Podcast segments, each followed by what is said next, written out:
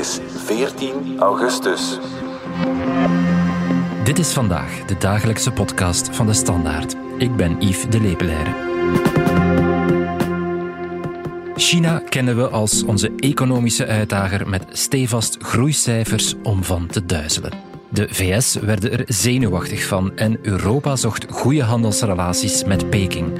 Maar de Chinese motor sputtert, sputtert fel. Wat is er aan de hand en wat zijn de gevolgen voor de rest van de wereldeconomie?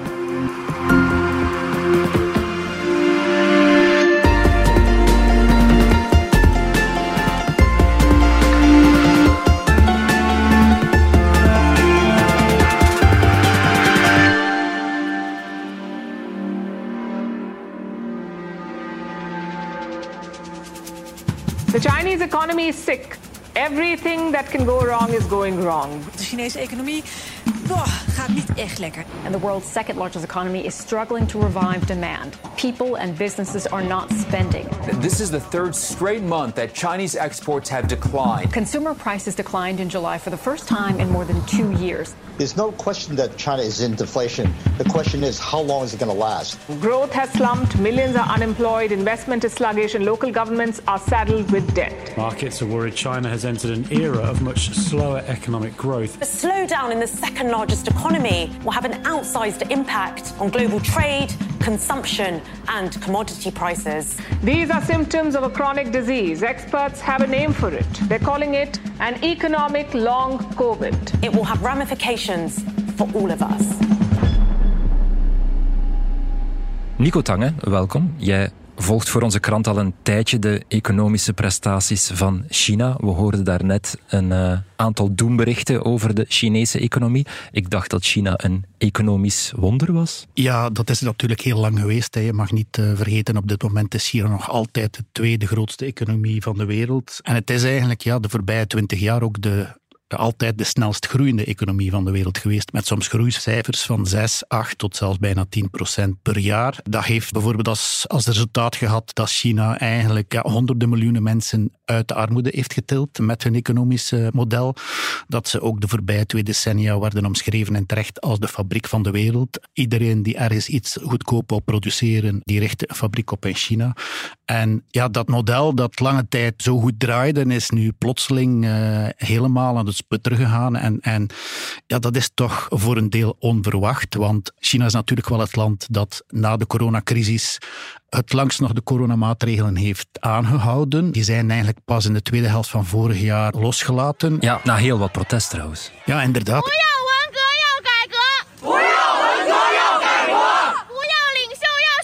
Dan kwamen er in de eerste kwartaal kwamen nog uh, relatief optimistische groeicijfers. Men zag het net als in het Westen dat daar toch een, een, heropleving was. Velen hadden gedacht dat die heropleving zich zou doorzetten, maar plotseling is het beeld dan eigenlijk radicaal veranderd. Ja. We luisteren eerst even naar Kristalina Georgieva, directeur bij het Internationaal Monetair Fonds. Zij had het in juli nog in een interview met Bloomberg over de groei van de Chinese economie.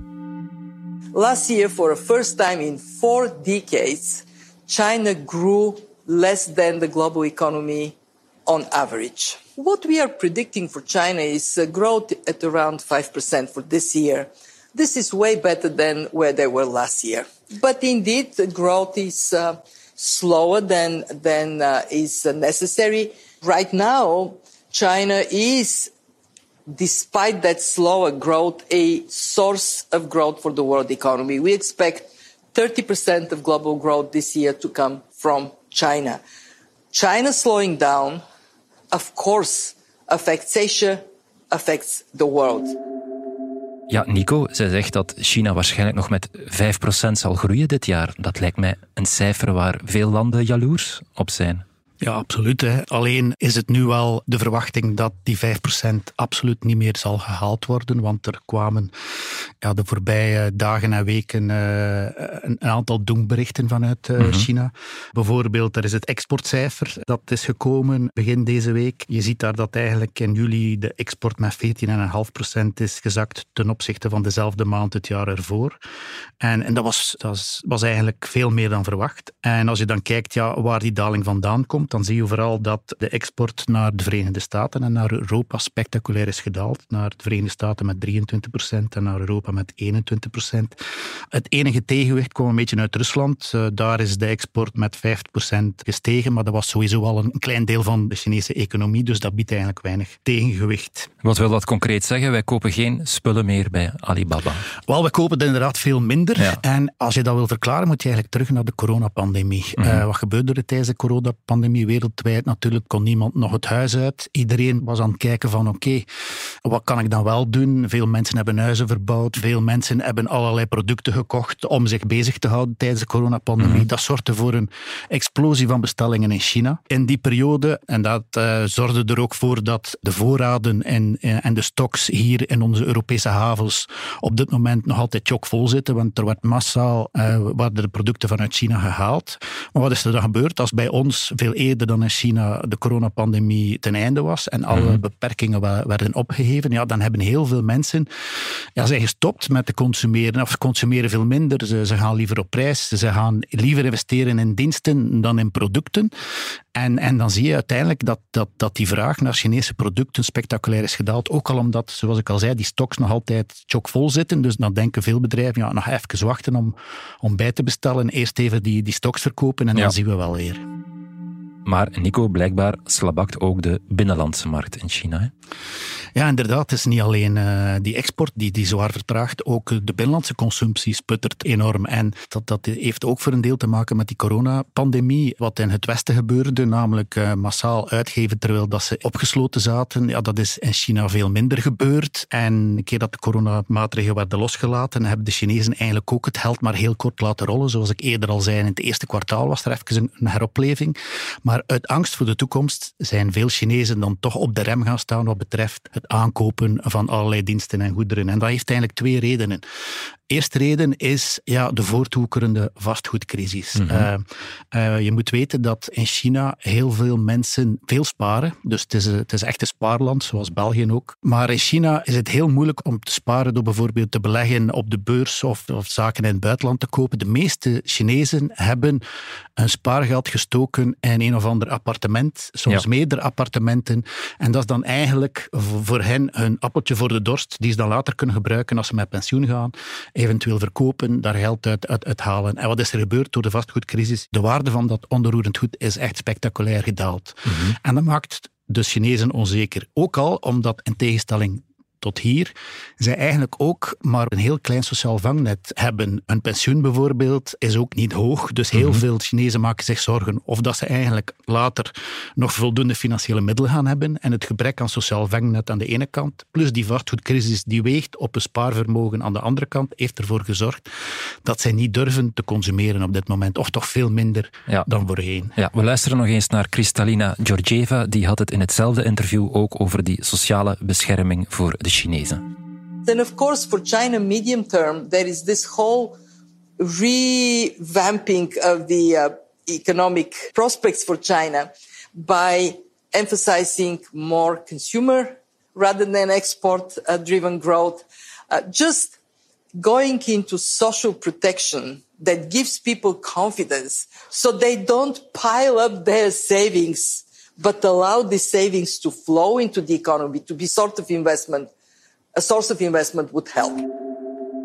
Ja, Nico, wat Georgieva hier eigenlijk zegt, is een duidelijk signaal, denk ik, aan de Chinese president Xi om ja, die binnenlandse consumptie weer aan te zwengelen, om iets te doen om, om dat geld weer te laten rollen. Ja, inderdaad. Iedereen kijkt nu naar Xi hè, en naar de Chinese overheid. Maar het is niet zo gemakkelijk als misschien sommige buitenstaanders denken. Mhm. Ehm, het eerste probleem dat er is, is dat eigenlijk in het verleden de Chinese economie niet alleen snel is gegroeid door zwaar te steunen op export, maar ook door grootschalige investeringen door de Chinese overheid in allerlei infrastructuurwerken, gaande van bruggen en wegen tot luchthavens enzovoort. Mhm. Die investeringen werden eigenlijk in het verleden vooral ook gedragen door de lokale overheden.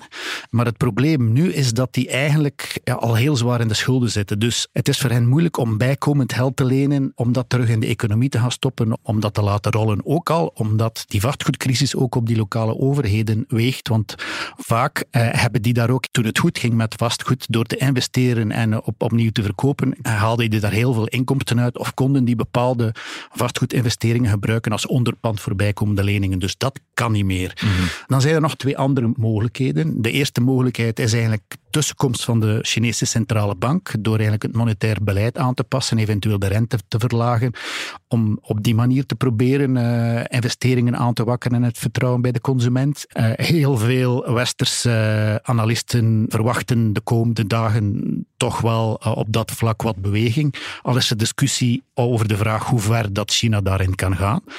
En dan het laatste, en misschien de, de meest tastbare remedie die ik zie kan bedenken, is veel meer investeren in een sociaal vangnet. Als mensen geen angst meer hebben om straks, als ze met pensioen gaan, uh, te weinig financiële middelen meer te hebben. Als uh, schoolgeld uh, wat minder duur is, of als de staat daar wat meer gaat bijspringen. Als de sociale zekerheid, als ze ziek worden, wat beter uitgebouwd is.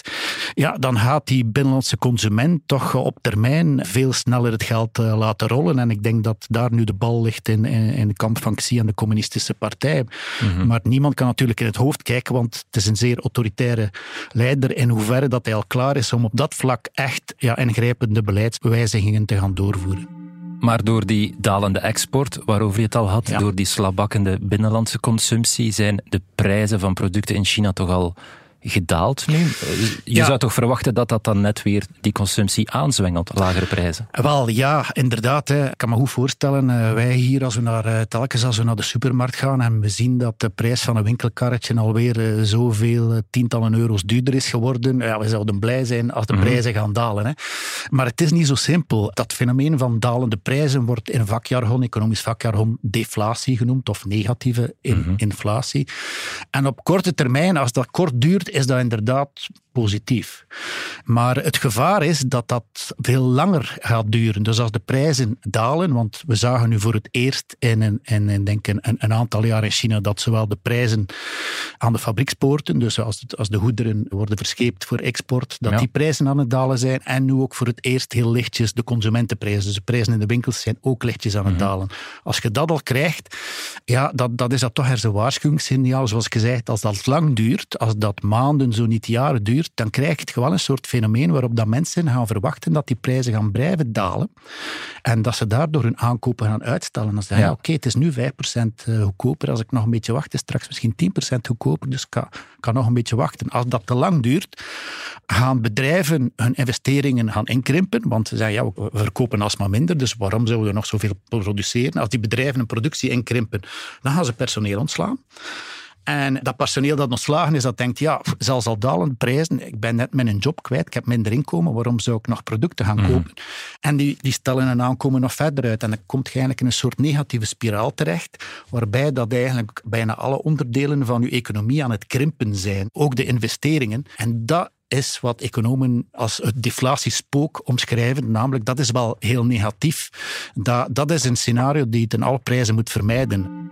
Dus als ik het goed begrijp, deflatie kan ook leiden tot ja, ontslag van personeel. Is dat nu al bezig? Zie je dat nu al? Nee, op dit moment zien we dat nog niet. Absoluut niet. Want zoals gezegd, het is nog maar de eerste maand dat we de eerste tekenen van deflatie zien. En het duurt een hele lange periode voordat dat je dat gaat zien in, in de cijfers. Mhm. Maar wat we wel zien, is dat in China er nu al heel veel jongeren zonder job zitten. 21% van de jongeren onder 25, dacht ik, die hebben op dit moment geen job. Dat is één op vijf jonge Chinezen. Dat is heel veel. En ook dat is een, is een probleem. Een probleem dat dus in de toekomst eh, nog groter kan worden.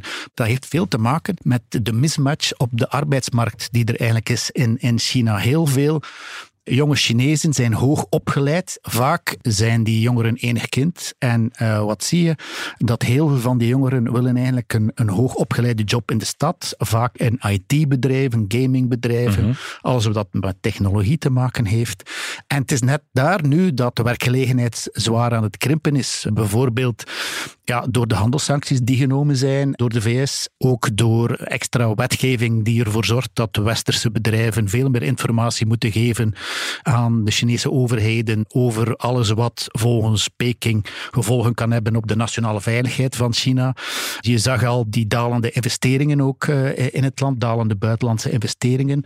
Dus eigenlijk net die sector die aan het krimpen is in China, net daar willen de meeste jonge Chinezen een job gaan zoeken. Mhm. Want wat ik nog niet vermeld heb ook, dat is dan wat er de voorbije jaren ook veel in de media's geweest is, is dat, ja, niet vergeten, Xi Jinping heeft vooral de techsector maar Alibaba bijvoorbeeld, maar ook uh, de gaming sector, die heeft die heel sterk aan banden gelegd. Hè. Die heeft die allerlei regels opgelegd, waardoor dat jonge Chinezen veel minder tijd mochten doorbrengen om te gamen. Wat ook betekent dat die bedrijven natuurlijk ja, veel minder producten, veel minder inkomsten hebben. Die gaan ook gaan krimpen. Alibaba is opgesplitst enzovoort enzovoort. Dus die harde aanpak van de technologie sector heeft er net voor gezorgd dat de sector waar de jongeren het vaakst een job zoeken, zwaar aan het krimpen is. En hoe reageert Peking daar nu op? Ik zie, uh, probeert de jongeren te duwen naar het platteland, echt op een heel ouderwetse manier, probeert jij die aan te moedigen om te zeggen, ja, doe zoals ik ooit gedaan heb toen ik jong was, ga naar het platteland, eh, start een boerderij of een zaak daar, ga daar werken op het land